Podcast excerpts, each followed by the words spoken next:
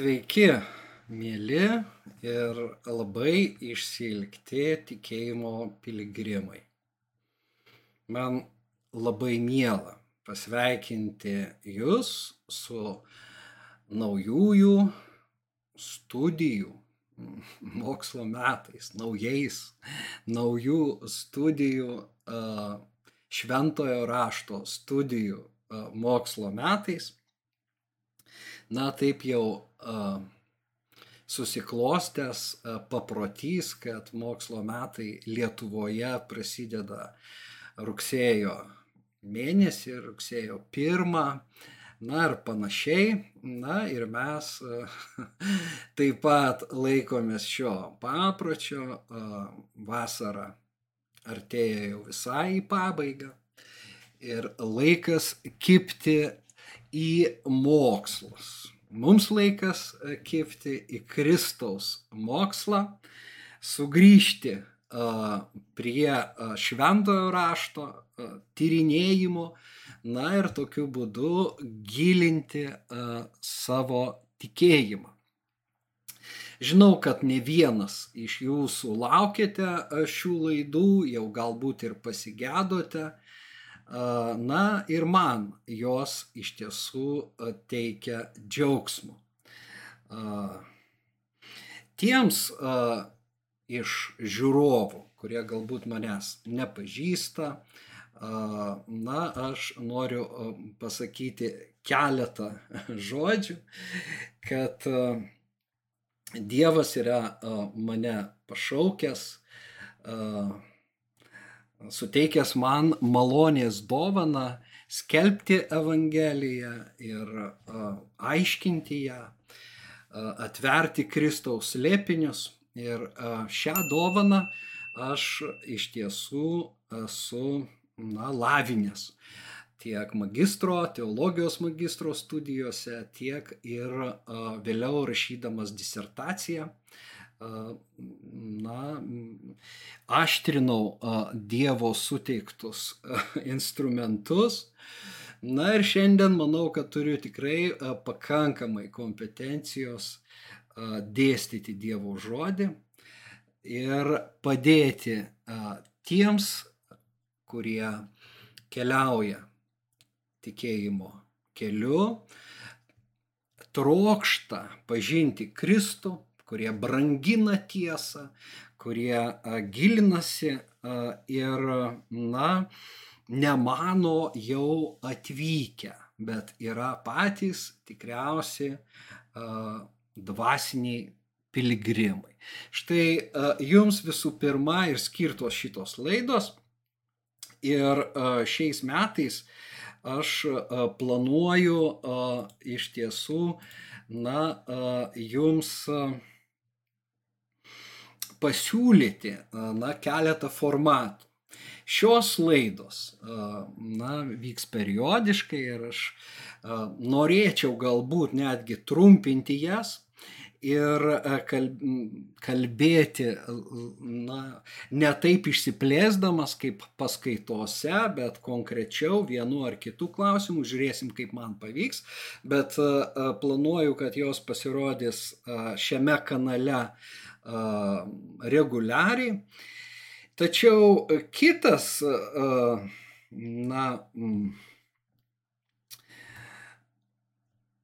formatas, į kurį aš dėsiu daug pastangų, kuriame darbuosius ir į kurį kviečiu ir jūs, tai yra internetu vykstančios studijos atrasti Paulių.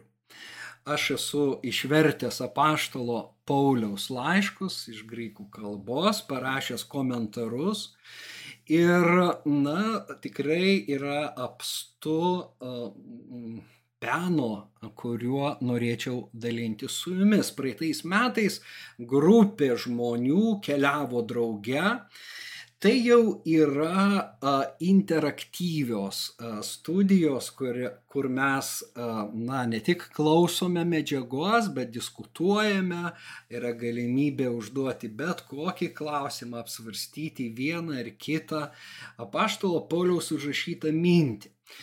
Tai a, Spalio 14 dieną startuos mūsų seminaras, na, ciklas paskaitų ir kiekvieną savaitę mes iš tiesų vis atrasime Paulių, vis daugiau Pauliaus. Kažkas yra pasakęs, Gedriau, tu per daug sėki Pauliumi na, iš tiesų tai vienas didžiausių komplimentų, kokiu aš esu sulaukęs, nes jeigu sėki Pauliumi, sėki ir Kristų, sėki ir Kristumi, sėki paskui Kristų, nes jis apaštalas sako, sekite manimi, kaip aš seku Kristų.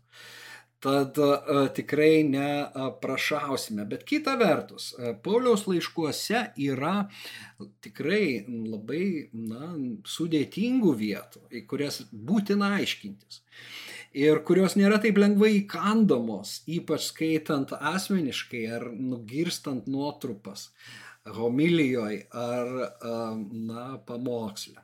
Taigi labai kviečiu pasvarstyti, daugiau informacijos jūs rasite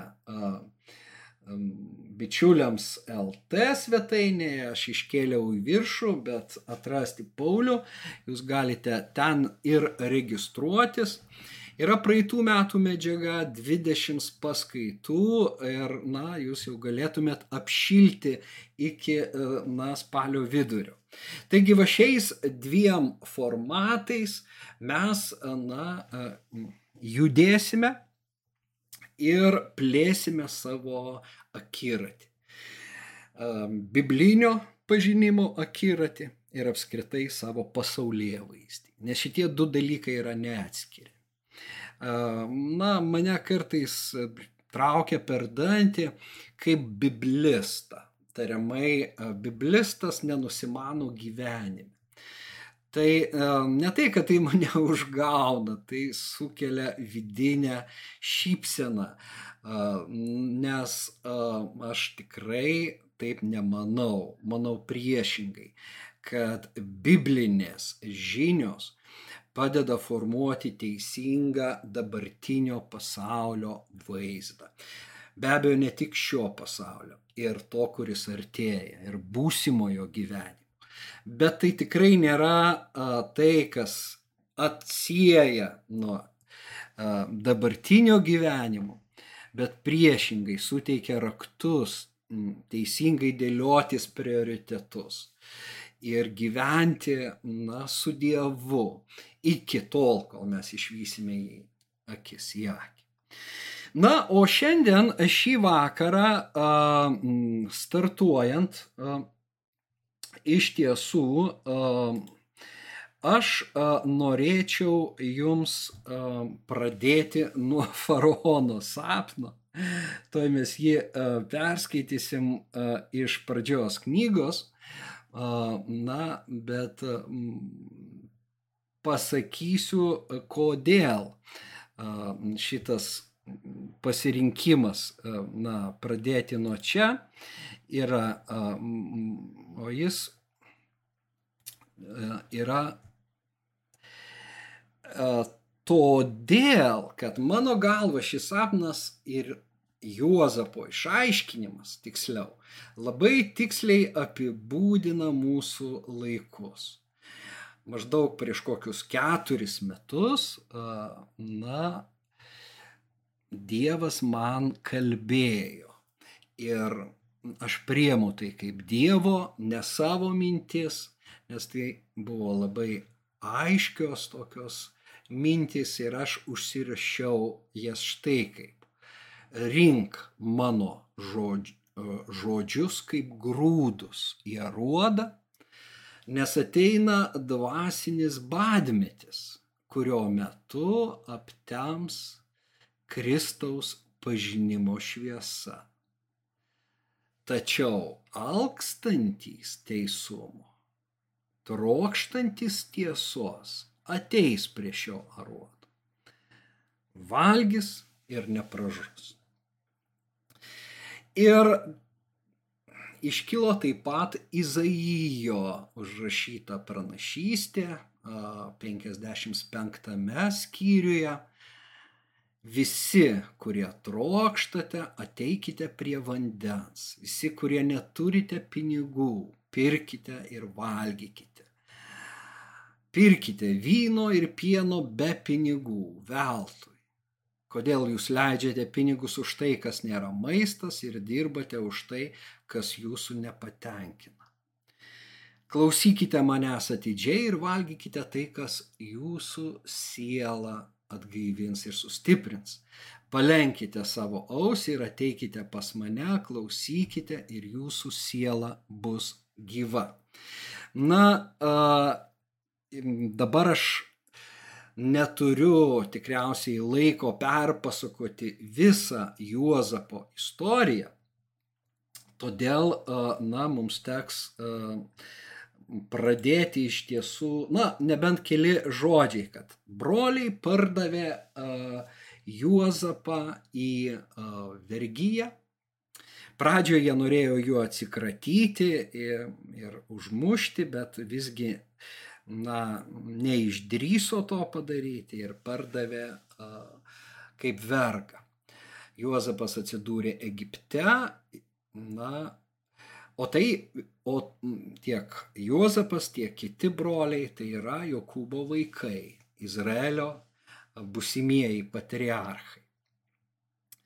Ir gyvendamas Egipte Juozapas patiria skriaudą po skriaudos ir malonę po malonės. Jis atsiduria galiausiai kalėjime ir, na, Juozapo dovana aiškinti sapnus ir, ir e, išaiškinti žmonėms jų sapnų e, reikšmę. Ir štai faraonas sapnuoja sapnus, na, na sapną net du kartus, e, kuris reiškia, jį be galo neramina, jis sukviečia Egipto žynius ir uh, išminčius prašo jų išaiškinti, tačiau nei vienas negali išaiškinti to sapno reikšmės. Na ir tada jo uh, na, vynininkas, faraono vynininkas prisimena, kad prieš kelis metus kalėjime ir jo sapnas buvo išaiškintas ir tą sapną išaiškino hebrajas ir sako, pakvieskim tą hebrają, atsiprašau, kad tik dabar jį prisimenu, nes Juozapas prašė užtarti jį, kad ir na, jis būtų iš, išleistas į laisvę, bet tokiu būdu faraonas sužino apie Juozapą ir Juozapas yra atvesdinamas pas faraoną tokia įžanga. Na ir um, faraonas uh, pasakojo Juozapui. Sapnavau stovys ant upės kranto iš upės, išlipo septynios karvės, riebios ir gražios ir jos ganėsi lankoje. Po jų išlipo kitos septynios karvės, menkos, labai bjaurios ir liesos. Aš nesu matęs tokių bjaurių karvių. Visoje Egipto šalyje liesosios ir bjauriosios karvės surijo anas septynias riebesias karvės, tačiau nebuvo žymu, kad jos būtų ką praryjusios, jos tebe, tebe buvo liesos kaip pradžioje. Po to aš pabudau, sapne aš dar regėjau, septynios varpos išaugo iš vieno stiebo, pilnos ir gražios. Po jų išdygo septynios tuščios, plonos ir rytų vėjo išdžiovintos varpos. Plonosios varpos prarijo septynias gražiasias varpas. Aš tai papasakojau žiniams, bet nei vienas negalėjo išaiškinti. Vėlgi, šitas sapnas kalba man šiandien. Šita istorija visa iš tiesų yra labai aktuali mūsų laikui, mūsų tai, kas vyksta mūsų dienomis, tie pokyčiai, na, atrodytų tarsi vat, iš, šitos, iš šito šulinio aš galiu semtis tą gyvybės vandenį ir atgaivinti savo sielą, susivokti, kasgi vyksta aplink. Bet skaitome dar šiek tiek. Jozapas atsakė faraonui. Faraono sapnai reiškia vieną ir tą patį. Dievas parodė faraonui, ką jis ketina daryti. Septynios gražiosios karvės yra septyneri metai ir septynios gražiosios varpos yra septyneri metai. Sapnas reiškia vieną ir tą patį. Tie du epizodai.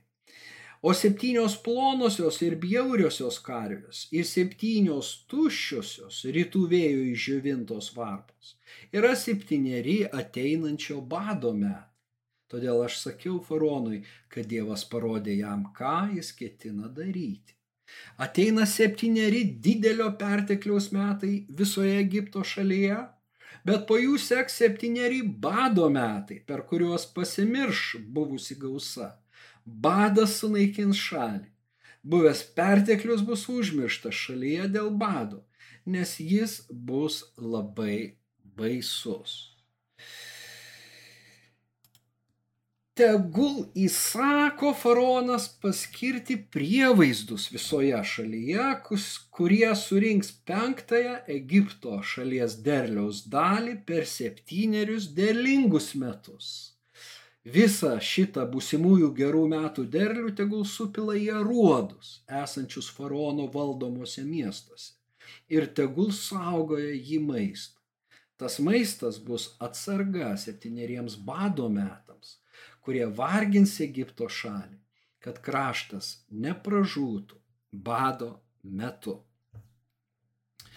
Iš tiesų, um, įspūdingas sapnas Bet žiūrėkite, kokias šiandieninės prasmes aš matau ir kaip tai siejasi su mūsų laidomis. Visų pirma, tos gražios karvės, riebios karvės man yra ne tik tai, na, klėstėjimo, valstybių klėstėjimo metai, sakykime, vakarų demokratijų klėstėjimo metai, bet apskritai minties sistemos vakarų civilizacijoje išpuoselėtos, bažnyčios tėvų puoštos, vėliau mąstytojų, na, lavintos. Ir, na, 20-ame amžiuje prasidėjus karams prasideda rimti pokyčiai. Na, modernizmą keičia postmodernizmas. Ir mes gyvename daugelio, na, manimų tokiu metu po tiesos tos septynios, na, karvės ir tie septynios varpos pilnos grūdų. Man tai yra, vat, tos tokios gražios mąstymo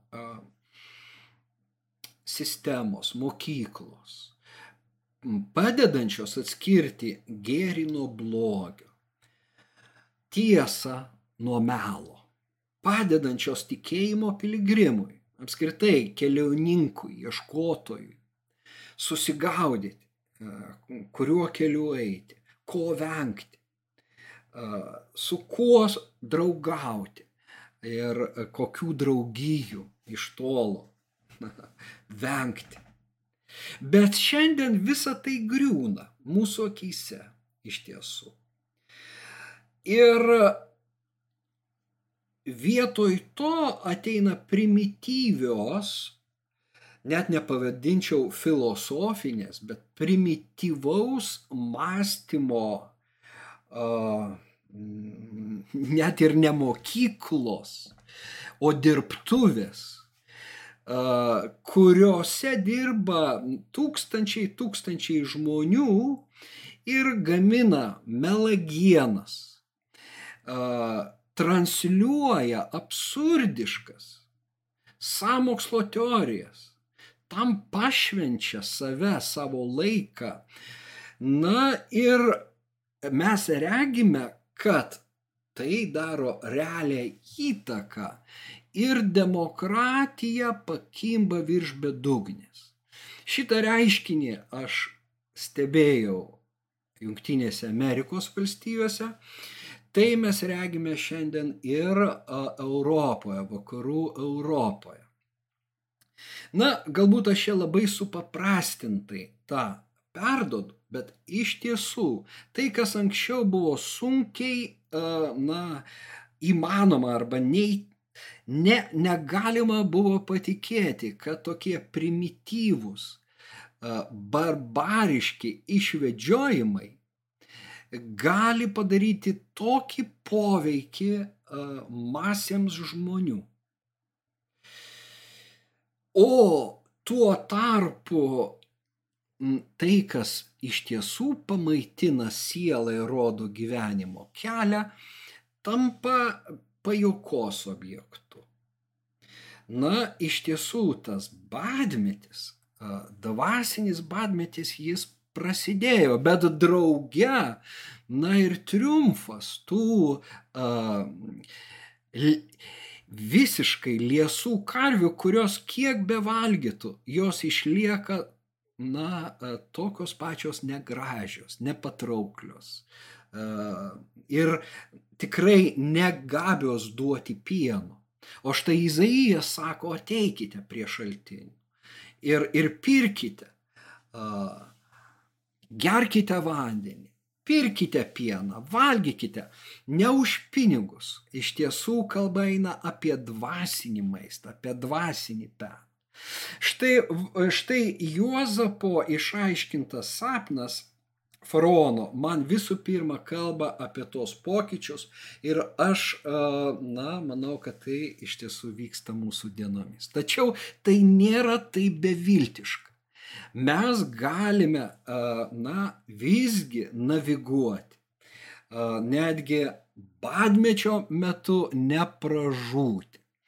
Na, pasitelkiant kitą analogiją iš psalmių knygos, būti tais medžiais, kurių šaknis siekia tuos giluminius vandenis, upokšnį.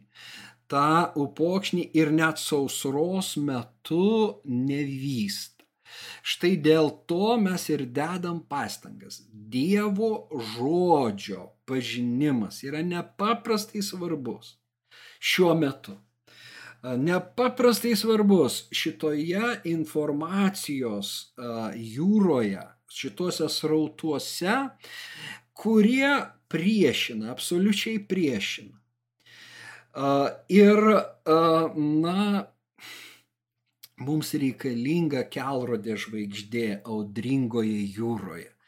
Mums reikalingas tas teisingas kompasas, kuris rodo, kur yra šiaurė, kur pietus, kur vakarai, kur rytai, ne priešingai, nes kitaip tikėjimo laivas gali sudušti. Ir, na, šitie laikai, va, yra būtent tokie laikai. Taip svarbu atrasti ramybę malonės uoste, ar ne, ramybė prie viešpaties kojų. Ir aš matau, kad vat, Dievo žodis, ar ne, a, šventosios dvasios apreiškime mums yra saugus sielos inkaras. A, mes tikrai išgyvensime jei na, nepaliksime gyvenimo žodžių, palenksime savo ausį iš tiesų, kaip pranašas ir sako. Nebūsime kaip tie kvailiai, kurie nusisuka nuo išminties ir manosi žina, kaip gyventi, o būsime būtent išminties ieškotojai. Na, štai tokie yra mano siekiai. Ir va tas aruodas, į kurį reikia rinkti. Viename Jėzaus iš tiesų epizode, kai jį kaltina ten vėlgi neteisingai, jisai sako, kas su manim nerenka tas barstų. Ir va tas rinkimas į aruodą, ar ne, po truputį po kažkiek, tiek per asmeninės, na, lekcijo divina, tas tokias valandėlės aš skaitau šventą raštą, meldžiuosi, prašau Dievo, paaiškink man. Tačiau to neužtenka viena. Tiek renkant tas kruopeles ir tikrinant, kaipgi tai atrodo platesnėme kontekste, mes galime žygiuoti į priekį ir aš tą noriu parodyti per kitus kelis pavyzdžius. Ir sekantis pavyzdys, kurį aš pasirinkau, na, kaip argumentą šios tiesos, Tai yra Marija, Marijos pavyzdys ir Marijos dėmesingumas. Pamatę jie apsakė, kas jiems buvo pranešta apie šitą kūdikį, visi, kurie girdėjo, stebėjosi piemenų pasakojimu. O štai Marija dėmėjosi visus šios žodžius, dėdamasi juos širdin. Na va, vėl rinkimas ar į aruodą, kuris yra širdis. Ar ne? Beje, nenoriu jokių būdų sudaryti vaizdo, kad aš esu tas vienintelis, jeigu dar grįžtant prie e, Juozapo, na, e, tų žmonių, tų prievaizdų, kurie rinks tos grūdus į aruodus. Ten, ten e, iš tiesų yra daugiskaita, kalbama apie, na, ne vieną e, tokį prievaizdą. O pats Juozapas be abejo yra Jėzaus archetipas, Jėzaus provaizdis. Tas Steponas savo pamokslę sako paštalų darbuose ir tas akivaizdu iš tiesų iš, iš daugelio švento rašto vietų. Bet štai dar vienas aruodas, kurį mes kiekvienas turim, yra mūsų širdyje.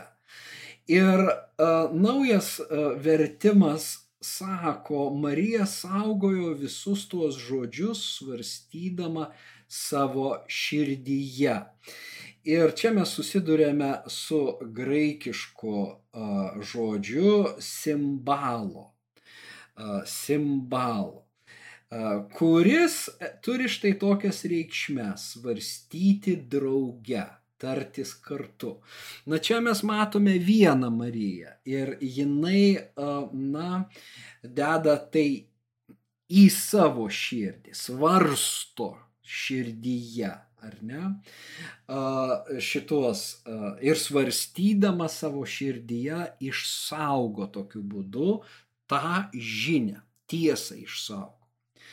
Bet drauge simbalo tas va, priešdėlis sim reiškia drauge, kartu. Tai re, gali būti ir toks konfrontacinis žodis. Tai yra tokiuose kontekstuose vartojamas kaip susikipti kovoje, susigrumti su kuo nors. Ir čia vėl aš matau labai tikslų Biblijos tekstų apibūdinimą ir mūsų santykiai tuos tekstus. Kad šitie tekstai nėra tokie paprasti ir jų reikšmė taip lengvai, na, neišgvildenama. Reikia daug disciplinos, na, daug pastangų, sistemingo ugdymosi tam, kad mes atvertume vieną ar kitą švento rašto vietą. Be abejo, per šventąją dvasę Dievas gali atverti, paguosti vieną ar kitą, sustiprinti. Tačiau šalia liks labai daug dar neįmintų mislių. Ir mes esame va, pašaukti susigrumti su tais tekstais, susikipti su jais, nes jie lengvai nepasiduoda jų reikšmė taip paprastai na, ne, nenukrenta iš dangaus. Ir vat aš matau, kad e, vat šitie, šita žinia, šitie žodžiai, kuriuos Marija girdėjo, grūmėsi su jos supratimais, su jos teologiniais, ar, ar, na, sakykime, supratimais, kuriuos jinai gavo iš rabinų savo laiko mokytojų, Dievo žodžio mokytojų. Ir jinai kovojo, jinai turėjo, na, susigrumti. Ir tą tiesą galiausiai atrasti. Panašiai ir mes. Štai tas Marijos dėmesingumas yra be galo svarbus, na, renkant Dievo žodžio grūdus į aruodus į savo širdis. Bet dabar yra dar viena ir jau paskutinė iš tiesų vieta, kurią na, aš noriu perskaityti jums. Tai iš apaštalų darbų 17 skyriaus Pauliaus misijų kelionių aprašymas Mes skaitome perėję Amfipolį ir Apoloniją, jie atvyko į Tesaloniką, kur buvo žydų sinagoga.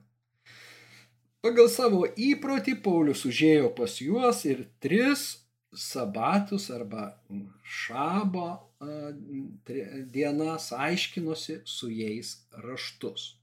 Dėstydamas ir įrodinėdamas, kad Kristus turėjo kentėti ir prisikelti iš numirusių ir kad Kristus tai Jėzus, kurį aš jums skelbiu.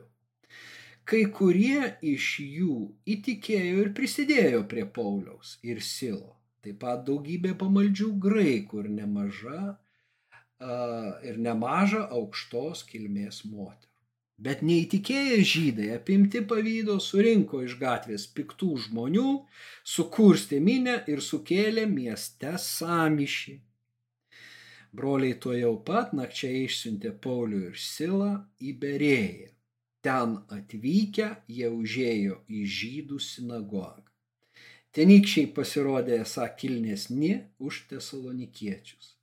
Jie noriai priemė žodį ir kasdien tyrinėjo raštus, ar taip esą iš tikrųjų. Na, labai iškalbingos tos vietos, jos turtingos ir tai nėra mano tema. Tačiau vykstant Lietuvoje samišiams, na, mes vėlgi turime turėti labai aiškę poziciją.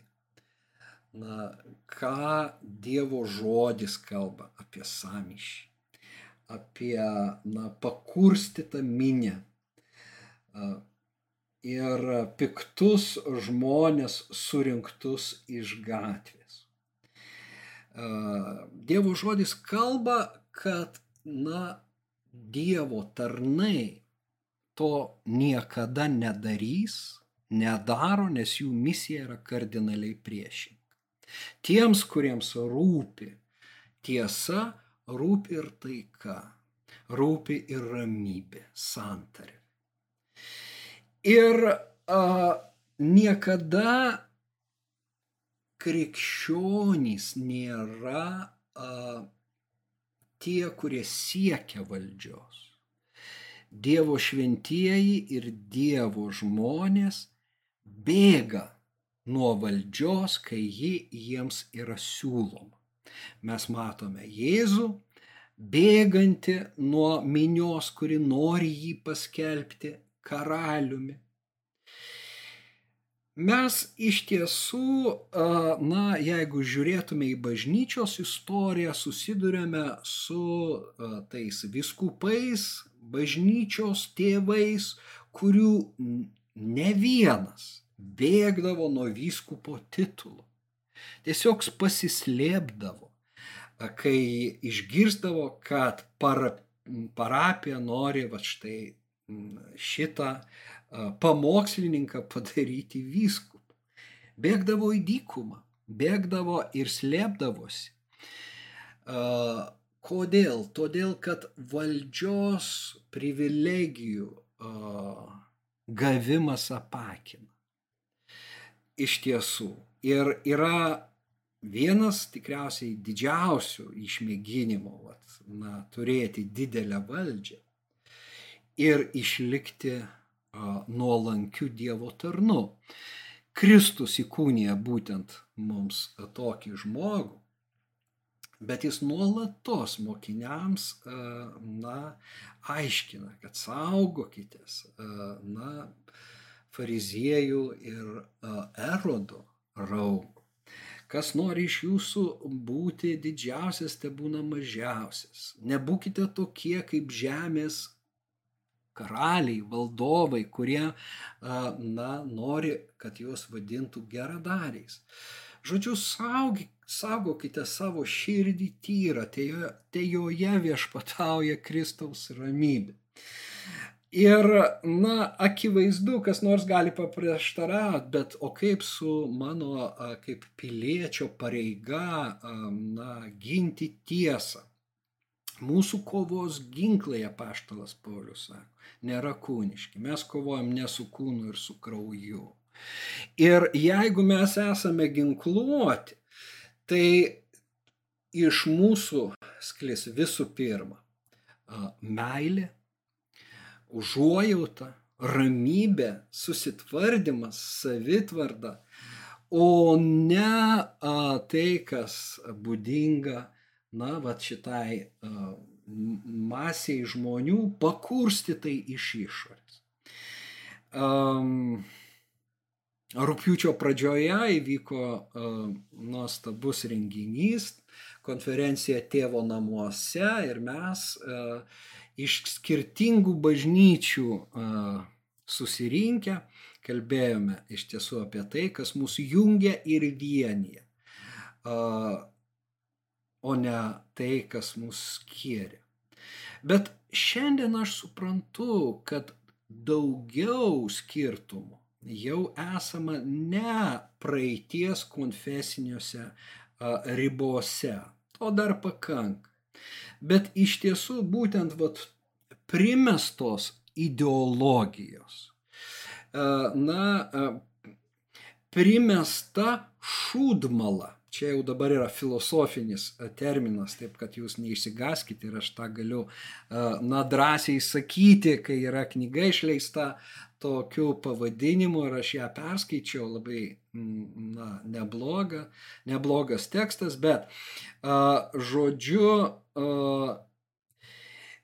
šiandien tie rubežiai, Visų pirma, supriešinimas yra primetamas iš išorės išorėje siaučiančios ideologijos, o tos ideologijos reikalingos tiems, kurie siekia valdžios. Jos supriešina a, tikinčiuosius. Iš tiesų nebe, ne, nebėra to rubežiaus tarp tikinčio Kristumi ir netikinčio O yra pavyzdžiui rubežius, siena, barikados tarp uh, tų, kurie skiepėsi ir tų, kurie priešinasi, kad uh, na, būtų paskiepyti. Štai yra barikadų siena. Ir jeigu toje pusėje yra ir netikintis, ir tikintis, uh, jie tarpusai puikiai susišneka. Man tai nėra idealus vaizdas, sakykime, nekoks labai tas vaizdas, a, todėl kad krikščionis savo vedliais turėtų, na, pasirinkti dvasios apšviestus žmonės. Dievą mylinčius, Dievo žodį branginančius žmonės. Na ir tada bandyti aiškintis, kągi kalba tie ir kiti, reiškia, tarkim, vėlgi Dievo išmintis gali būti ir nekrikščionių lūpose. Aš to neneigiu, bet mane tiesiog stebina, kad nemažai netgi, na, ganytojų savo vedliais yra pasirinkę tuos uh, žmonės, ku, na, kurių biografijoje, pavyzdžiui, yra labai keistų, uh, na, tų mm, epizodų. Apskritai ne, nebe, nebe, nebėra uh, netgi keliamas klausimas, reiškia, o Kristus ar tau brangus? na, o Dievas ar brangus. Ir tokiu būdu, reiškia, va, tas vyksta priešimas ir atsiranda naujos sienos. Ir šiandien mes sutinkam, kad na, visi krikščionys, nepriklausomai nuo konfesinės tapatybės, na, yra Kristaus išgelbėti, Kristaus kraujo auka apvalyti. Lengviau sutarti teologiniais klausimais negu tais, kuriuos šiandien mums primetė iš išorės. Bet jau vėl, jau viskas. Jau tai yra įėję į bažnyčią. Ir, na, įėję iki pat, pat švenčiausio sakramento e, štai JAV viskupai, e, reiškia, sprendžia šitą klausimą, grinai politinį klausimą, turėdami omeny grinai politinės figūras. Ir kaip pastebi vienas vienuolis JAV, reiškia, na, politika brovėsi į bažnyčią jau ilgai, bet galiausiai jinai pasiekė ir, na, tą šventų švenčiausiai. Reiškia, na, Eucharistijos vietą. Ir tai vėlgi šių dienų ženklas. Taigi, grįžtame prie Pauliaus, beriečių stropumas, aš taip įvardinu šitą trečią E, trečiąją pamoką. Marijos dėmesingumas, o čia berėjiečių stropumas, aiškinantis Dievo žodį. Ir um, pasižiūrėkime, iš tiesų, mm,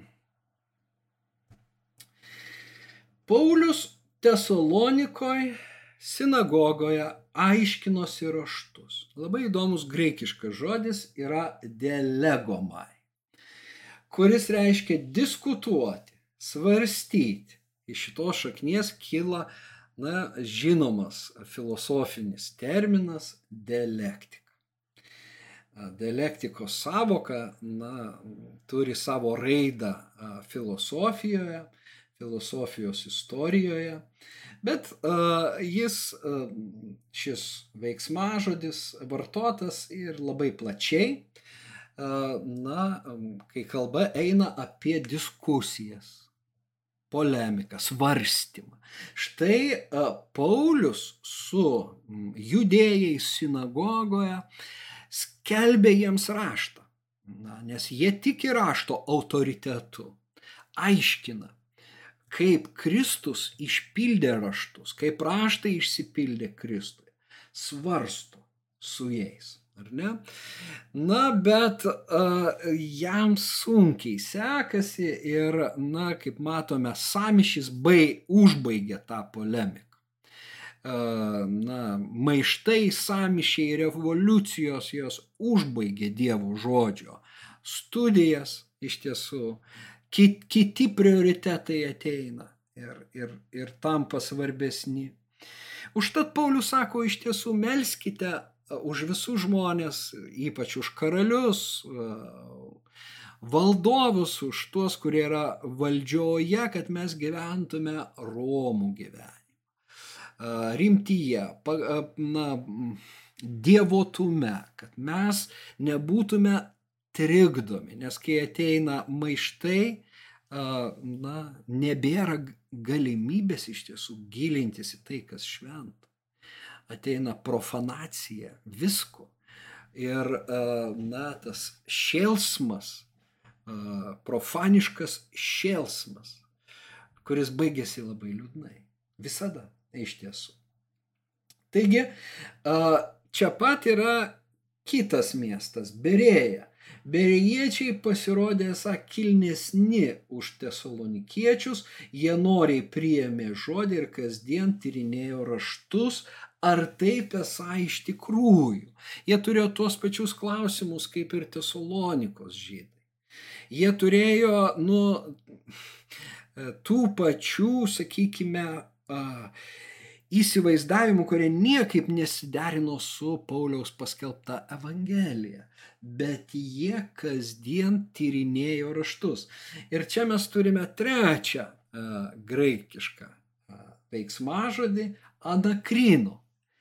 Nagrinėti, aiškintis, kelti klausimus, pasverti, egzaminuoti ir netgi teisti.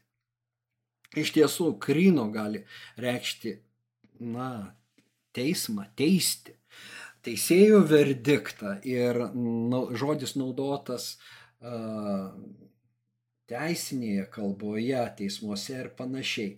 Bet jis turi ir šitas reikšmės tiesiog aiškintis. Štai žiūrėkime, kokie buvo berėjos krikščionis. Jie kasdien tyrinėjo raštus, jie nagrinėjo, aiškinosi kėlė klausimus, kadangi ten šalia yra vienas didžiausių visų laikų mokytojų, apaštalas Paulius. Be abejo, jie gaudavo atsakymus, kuriuos mes šiandien skaitom apaštalo Pauliaus laiškuose ir stebimės ta Dievo do, duota, dovanota jam išmintim. Bet nemažiau svarbi yra ir jų dalis, o jų dalis yra ta, kad jie kelia klausimus, jie nebijo pasverti. Taip ir mes, krikščionys, turime svarstyti, yra neteisinga, jeigu kažkas moko ir sako, tu nekelk klausimų. Priešingai, mes turime egzaminuoti tai, ką išgirdome. Nes uh, tai gali būti nepagrysta, netitikti tiesos, tai gali būti pramanas, tai gali būti šudmala, tai gali būti tiesiog politinė dienotvarkė, politinės dienotvarkės klausimas, kuris pristatomas kaip mm, dvasinis ar net teologinis, o jo uh, tikslas yra susidoroti su politiniais oponentais ir panašiai. Todėl rašto tyrinėjimas yra ir, reiškia, diskusija tiesa gimsta diskusijose, svarstymuose, kai mes nebijom kelti klausimų. Ir mes nebijom pripažinti, kad ne visada turim atsakymus į tuos klausimus. Ir turime gyventi toliau su neatsakytais klausimais ir grumtis su atskirais šventojo rašto uh, paragrafais, kažkokiom tai vietomis, kurios niekaip nu, neleidžia mums atrasti tos ramybės. Bet va štai toks yra tų grūdų rinkimas į aruodus, atskirimas jų nuo pelų iš tiesų, kurie nieko iš tiesų nepamaitins ištisas darbas, bet jis ypatingai reikalingas šiomis dienomis, šiais laikais, mūsų dienomis, kai siaučia lyga, baisi lyga, kai žmonės, visa žmonija ieško būdų, kaip ją nugalėti ir dar neatranda tų būdų. Na, vat tokiomis dienomis, badmečio dienomis, mums reikalingi Dievo žodžiai. Ir aš iš savo pusės, na, Esu pasiruošęs padėti kiekvienam tikėjimo piligrimui iš tiesų kelionėje, dvasios kelionėje. Ir tokia bendrystė man pačiam reikalinga, tas grįžtamasis ryšys. Taigi, uh, užbaigiant, jau užbaigiant, uh, ko moko šie pavyzdžiai, kokias išvadas mes galėtume padaryti. Na, visų pirma, faraono sapnas kalba įspėdamas apie dvasinio bado laikus, apskritai apie griūtis nusistovėjusių sistemų ir kad tokiais metais išgyventi yra labai nelengva. Marijos pavyzdys ragina skirti laiko dėmesingam rašto apmąstymui. Na, o be rejiečių pavyzdys įpareigoja aiškintis šventojo rašto prasme, kritiškai pasveriant įvairius mokymus, išgryninti savo tikėjimo pamatus. Štai tiek šiandien mūsų laidoje. Ačiū, kad žiūrėjote. Na, iki kitų kartų. Kviečiu pasvarstyti, ar neverta jums tapti studentais ir atrasti Paulių drauge, skaitant jo laiškus. Ir taip pat, na, pasverti, gal Dievas ragina jūs paremti šią tarnystę, tiek šias laidas, tiek apskritai tai, ką aš darau iš Dievo malonės. Aš apačioje įdedu keletą linkų, nuorodų, iš tiesų, kurios galbūt padės jums apsispręsti. Na ir atsisveikinu su jumis iki kitų kartų.